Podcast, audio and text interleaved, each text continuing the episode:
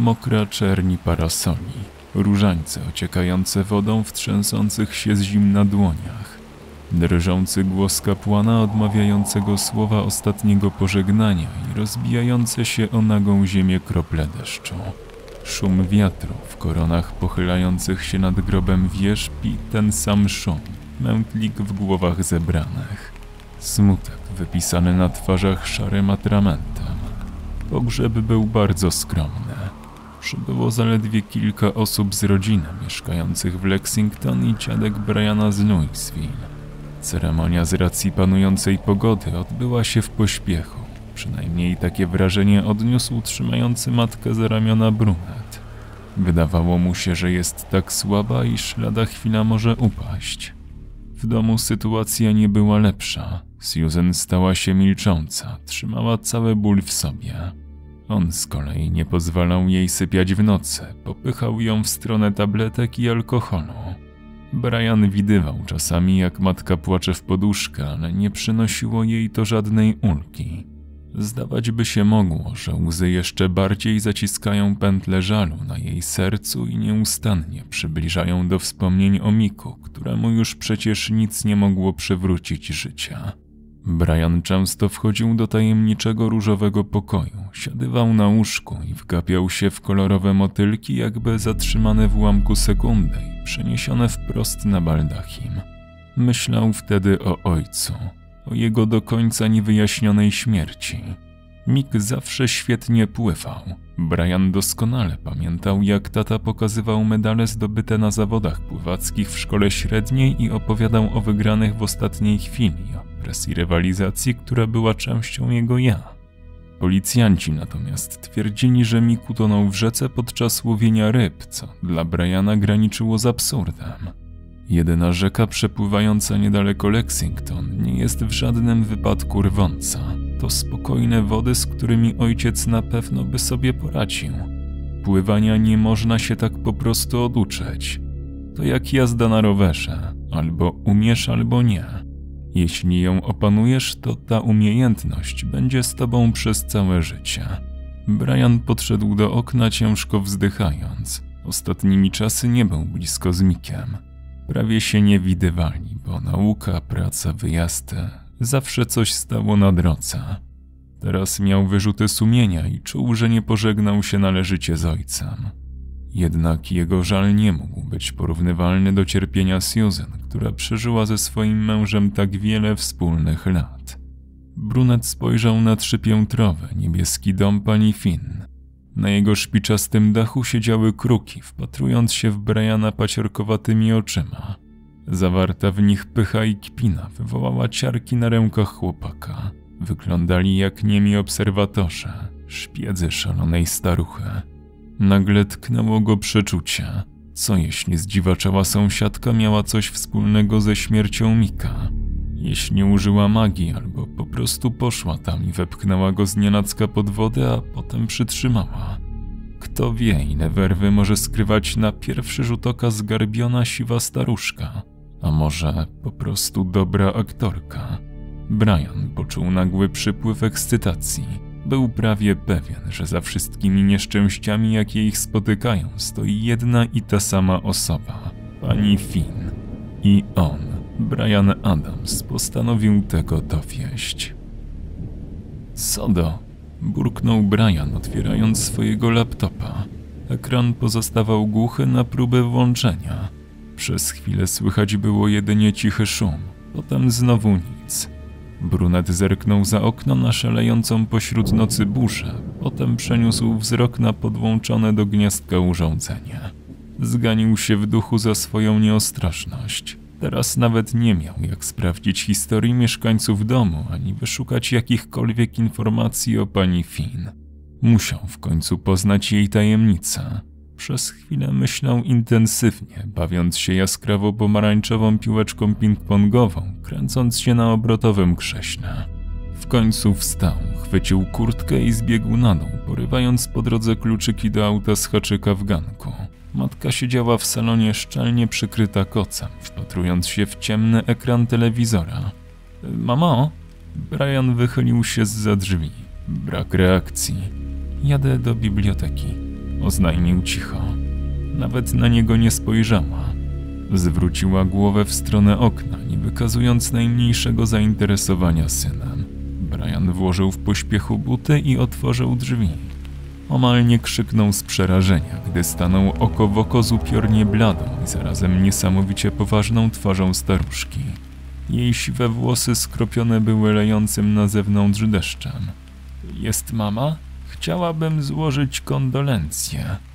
Brian dałby sobie głowę uciąć, że na ustach sąsiadki przez moment zagościł chytry uśmiech. Zmrużywszy oczy, brunet kiwnął głową i minął Finn, zmierzając przez rosnącą na sile ulewę w stronę forta. Zatrzasnął za sobą drzwiczki, nie będąc do końca pewnym, czy wpuszczanie do mieszkania podejrzanej o zabójstwo kobiety, nawet z pozoru zupełnie niewinnej, jest w stu procentach bezpieczną i słuszną decyzją. Słaby blask lampy bibliotecznej oświetlał stare, zakurzone stronice księgi. Brian potarł ociężałe powieki i zamrugał parę razy, by przegonić mgłę zmęczenia, powoli zasnuwającą pole widzenia.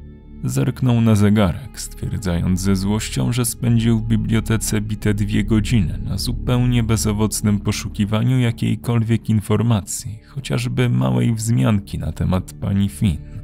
Oparłszy policzek na dłoni, przerzucił jeszcze kilka stron bez przekonania i prześledził fragment tekstu znużonym wzrokiem.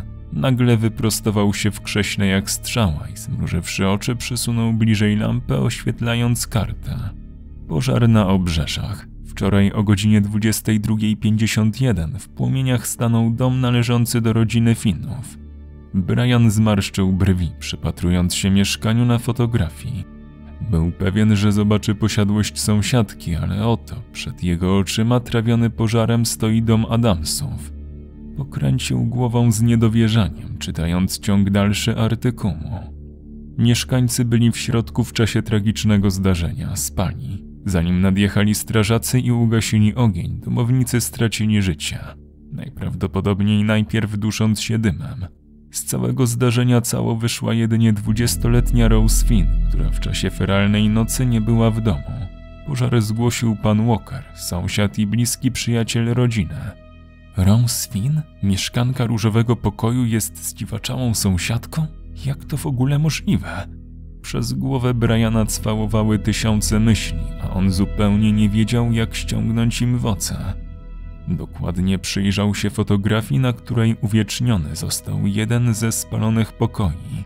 Rozpoznał w nim salon, w którym przed jego wyjściem przykryta kocem siedziała Susan. Na pierwszy rzut oka nie było nic nadzwyczajnego w przeżartych pożarem deskach czy sfatygowanej przypalonej kanapie, lecz Brian dostrzegł coś, co mocno go zdziwiło.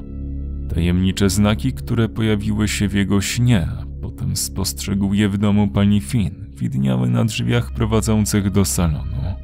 Brunet doznał wyjątkowo niemiłego uczucia, którego sam do końca nie potrafił zdefiniować.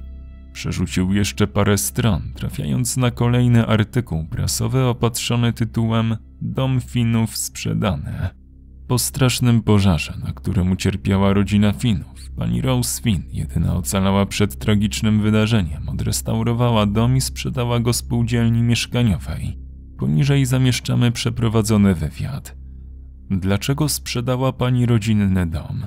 Po odrestaurowaniu prezentuje się całkiem nieźle i mogłaby pani tam pozostać, zwłaszcza, że mieszkanie ma na pewno znaczenie sentymentalne. Znaczenie sentymentalne? Ależ skąd? Wprowadziliśmy się tam z dużego miasta i raczej nigdy nie przepadałam za tym domem. Nie wychowywałam się tu od dziecka, nie czuję więc silnej więzi z tym miejscem. Po wydarzeniach sprzed pół roku nie mam nawet ochoty na niego patrzeć. Mimo iż dom prezentuje się, jak pan to ujął, całkiem nieźle, to niestety nie znalazłam nabywcy. Sprzedałam go spółdzielni mieszkaniowej, a sama mieszkam u Trevora Walkera. To on dał mi wtedy schronienie, tamtej feralnej nocy jeszcze przez wiele kolejnych dni. Cóż, zakochaliśmy się w sobie i planujemy ślub. Radosny śmiech. Tutaj wtrącił się Trevor Walker.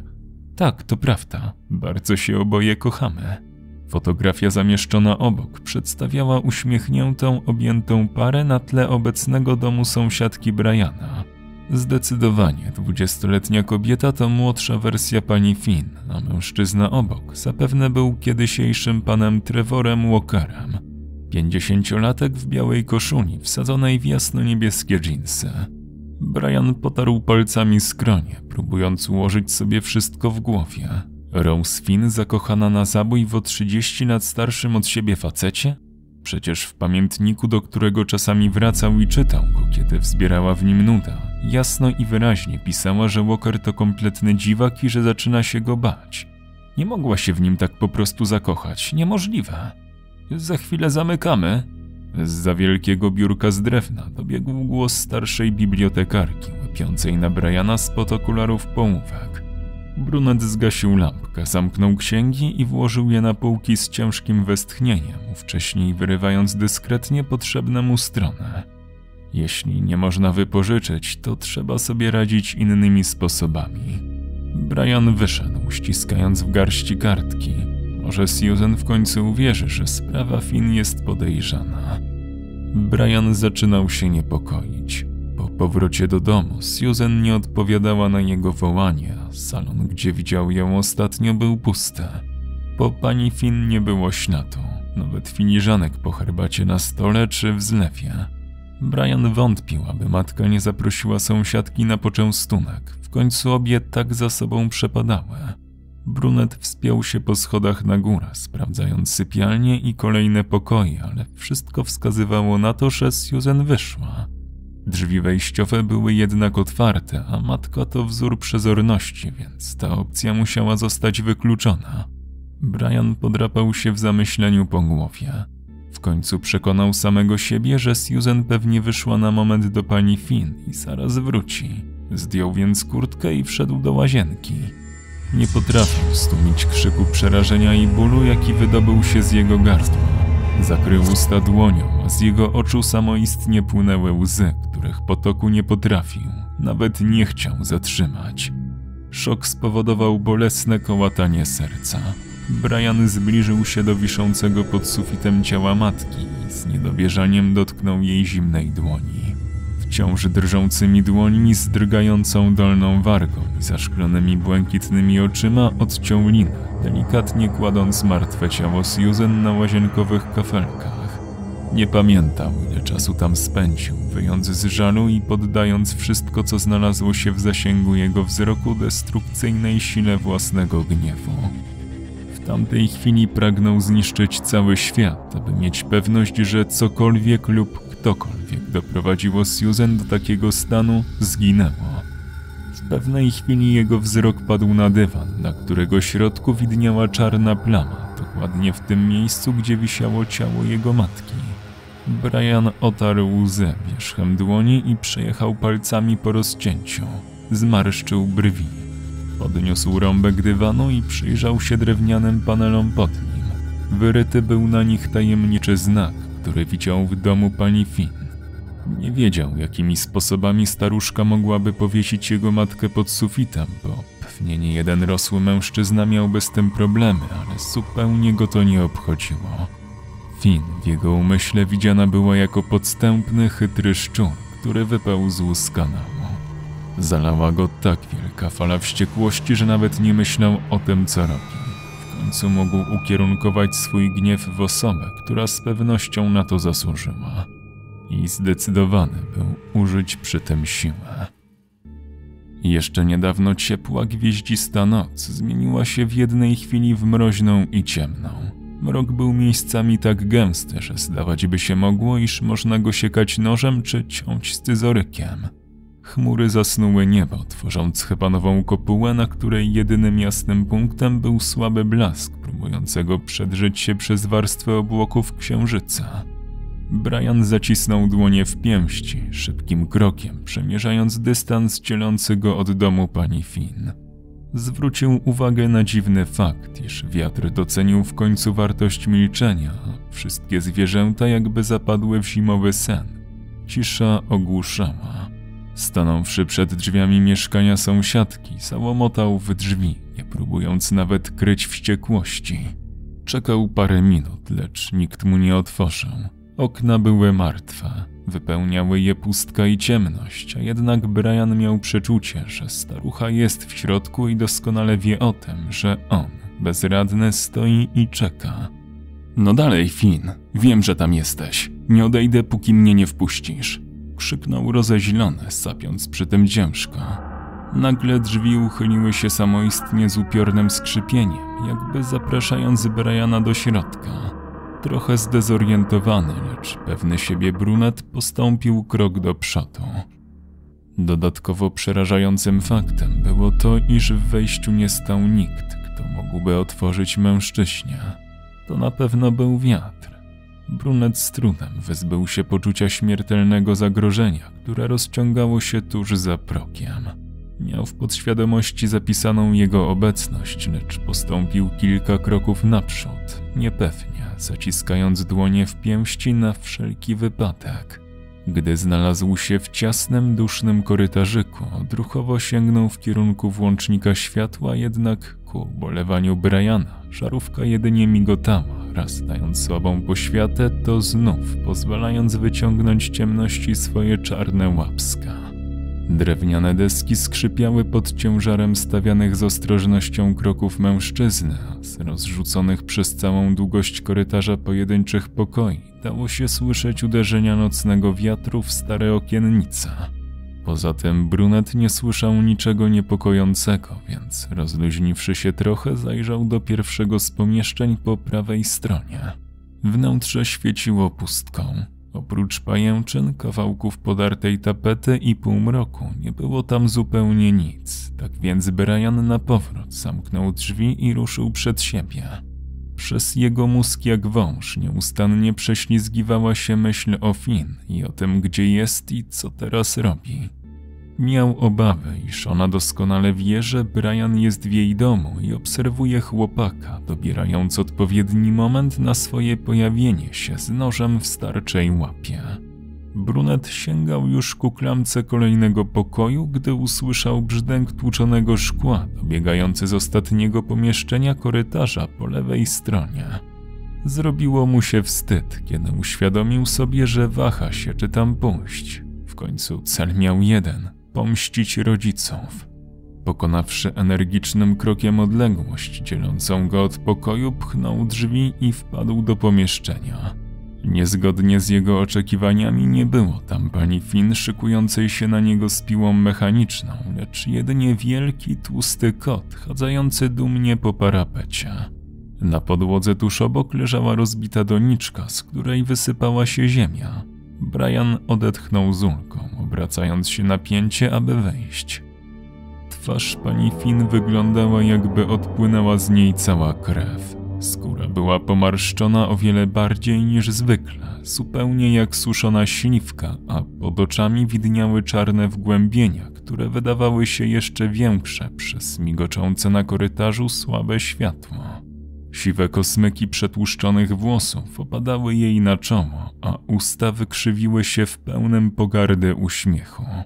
Stała wyprostowana, na równi z brunetem, a w jej oczach pojawiła się nieznana, bądź dobrze skrywana dotąd nuta. Chęć wyrywania Brianowi serca, posiekania go, zmielenia w maszynce, doprawienia jego krwią i natychmiastowego spożycia.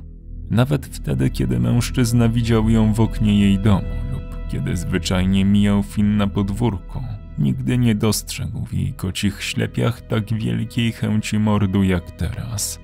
Przerażony jej nagłą zmianą, cofnął się w głąb pokoju, omal nie wpadając na stojący pośrodku niewielki stolik. Po jego ciele spływały kropelki zimnego potu, a strach całkowicie wyeliminował wściekłość, z jaką zapukał do drzwi sąsiadki.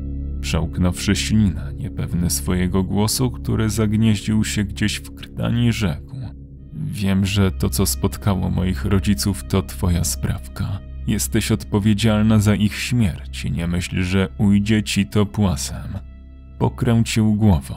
Nie mógł przestać drżeć. Sama obecność Finn sprawiała, że czuł na sobie pewien rodzaj paraliżu i nie był do końca pewny, czy ma on coś wspólnego ze strachem. Starucha jedynie szerzej się uśmiechnęła, ukazując rząd zepsutych zębów. Brian, Brian, Brian. Zawsze byłeś nieznośnym bachorem. Twoi rodzice powinni mi dziękować, że ich od ciebie uwolniłam. Ale nie na długo, nie na długo. Skrzykliwy śmiech wypełnił wnętrze pokoju, powodując nieznośny ból.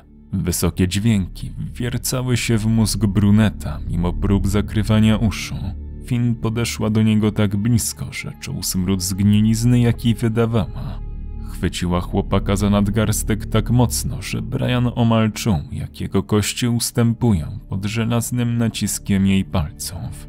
Nie myślał za wiele. Czuł, że instynkt przetrwania osiągnął właśnie stuprocentową wartość. Jeśli nic teraz nie zrobi, może go to kosztować nawet życie. Pochwycił stojącą na stoliku lampę, po czym zamachnął się wolną ręką z całą siłą, jaką tylko mógł z siebie wykrzesać. Obiekt trafił w zamierzony punkt. Pozbawiona przytomności starucha osunęła się na podłogę. Brian spojrzał na jej leżące bezwładnie na ziemi ciało. Przekroczył je bez zbędnego wahania i pobiegł w kierunku drzwi wejściowych. Szarpnął za klamkę, lecz okazały się zamknięte. Spojrzał w lewo, w kierunku salonu, gdzie na ścianie zawieszony był telefon. Wbiegł do pomieszczenia, zamykając się na klucz i od razu złapał za słuchawkę, wykręcając numer na policję. Wtem ktoś po drugiej stronie drzwi zaczął szarpać za klamkę tak mocno, iż te drżały w futrynie. Komenda policji, słucham.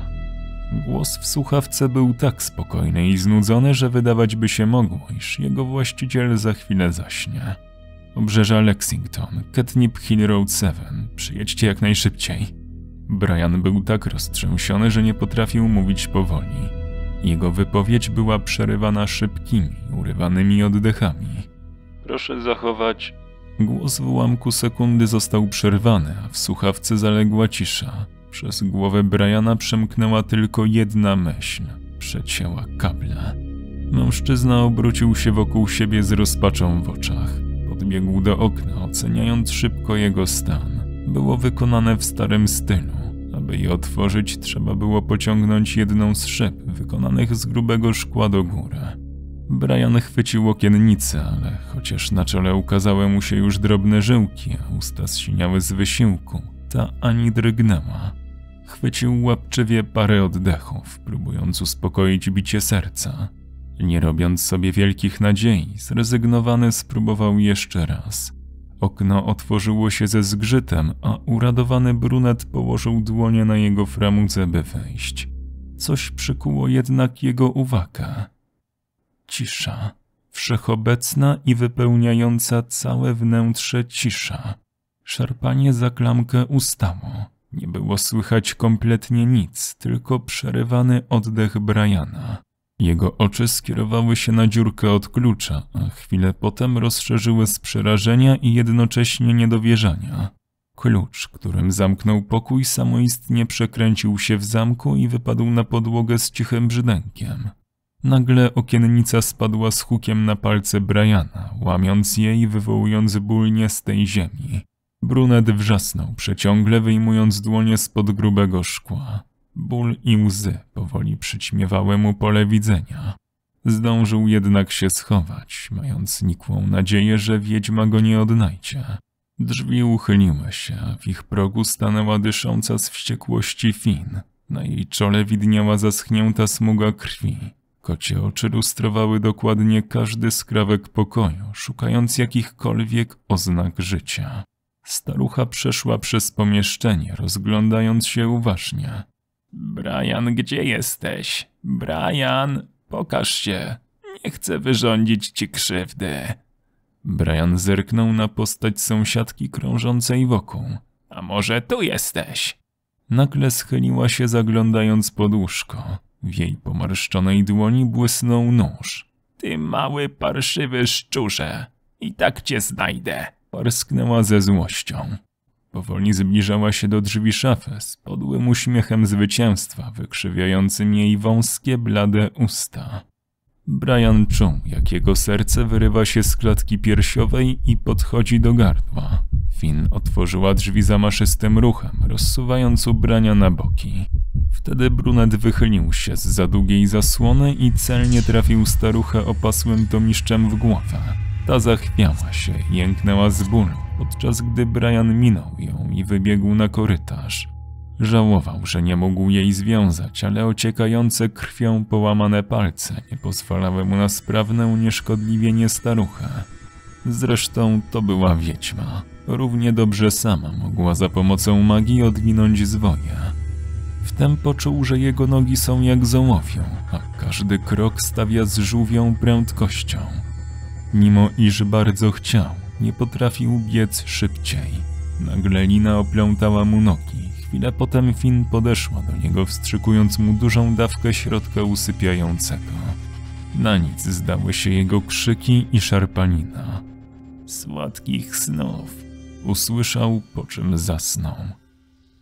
Świadomość powróciła do umysłu Briana wraz z bólem promieniującym z głowy i połamanych palców obu dłoni.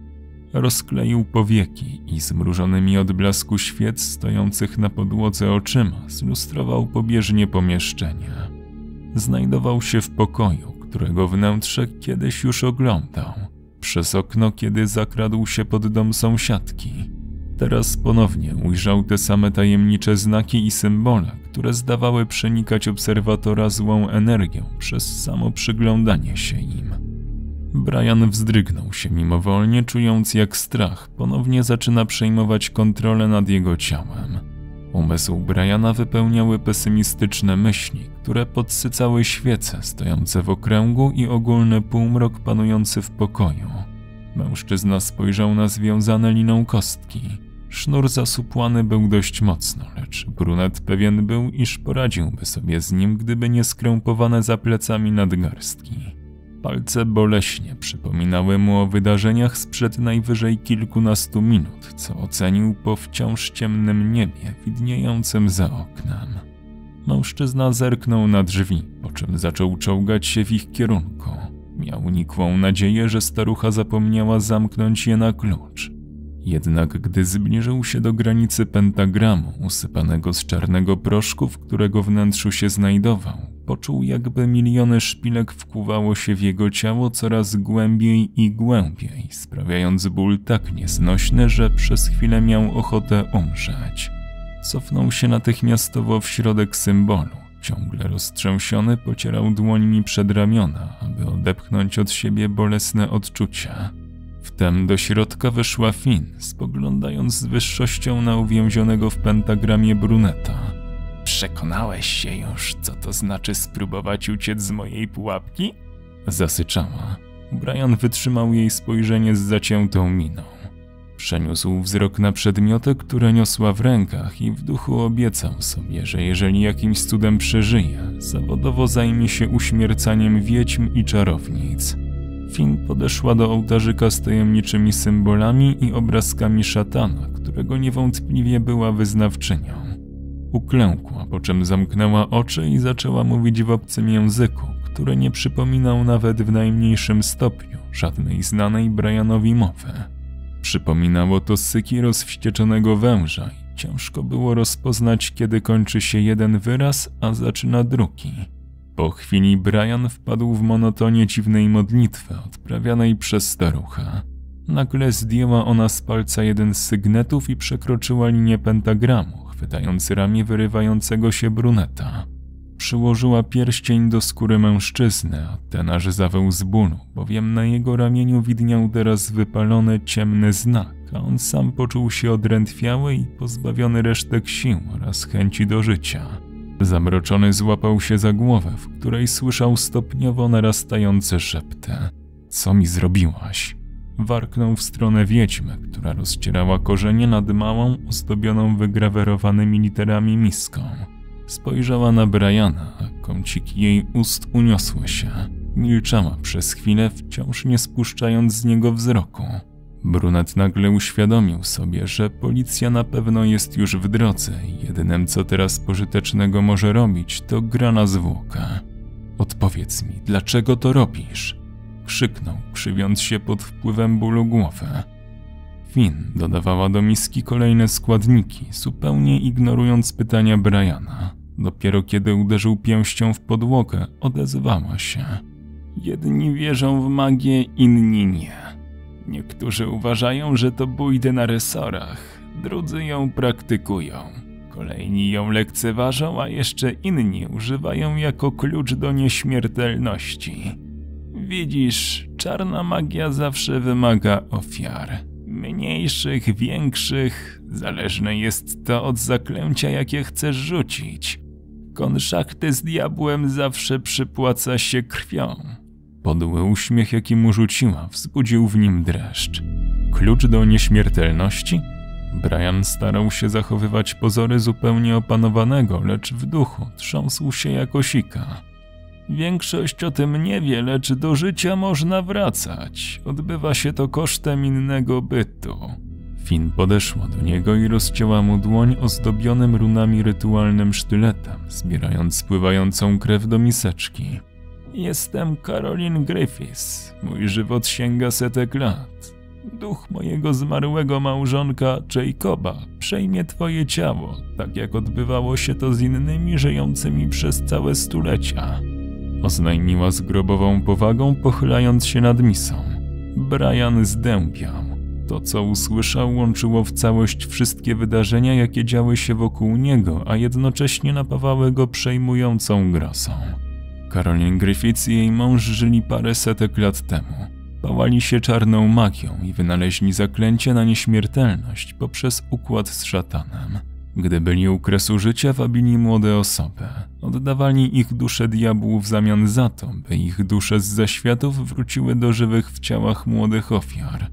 Żyli, zmieniając osobowość i twarze. Zawsze byli razem.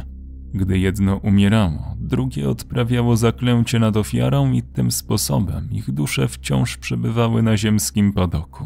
Było tak też z Trevorem Walkerem, w ciało którego wszedł w posiadanie mąż Karolin. Chciał przywrócić do życia małżonkę, więc zapolował na młodą Ross Finn, uśmiercił ją, a w jej ciało weszła Karolin.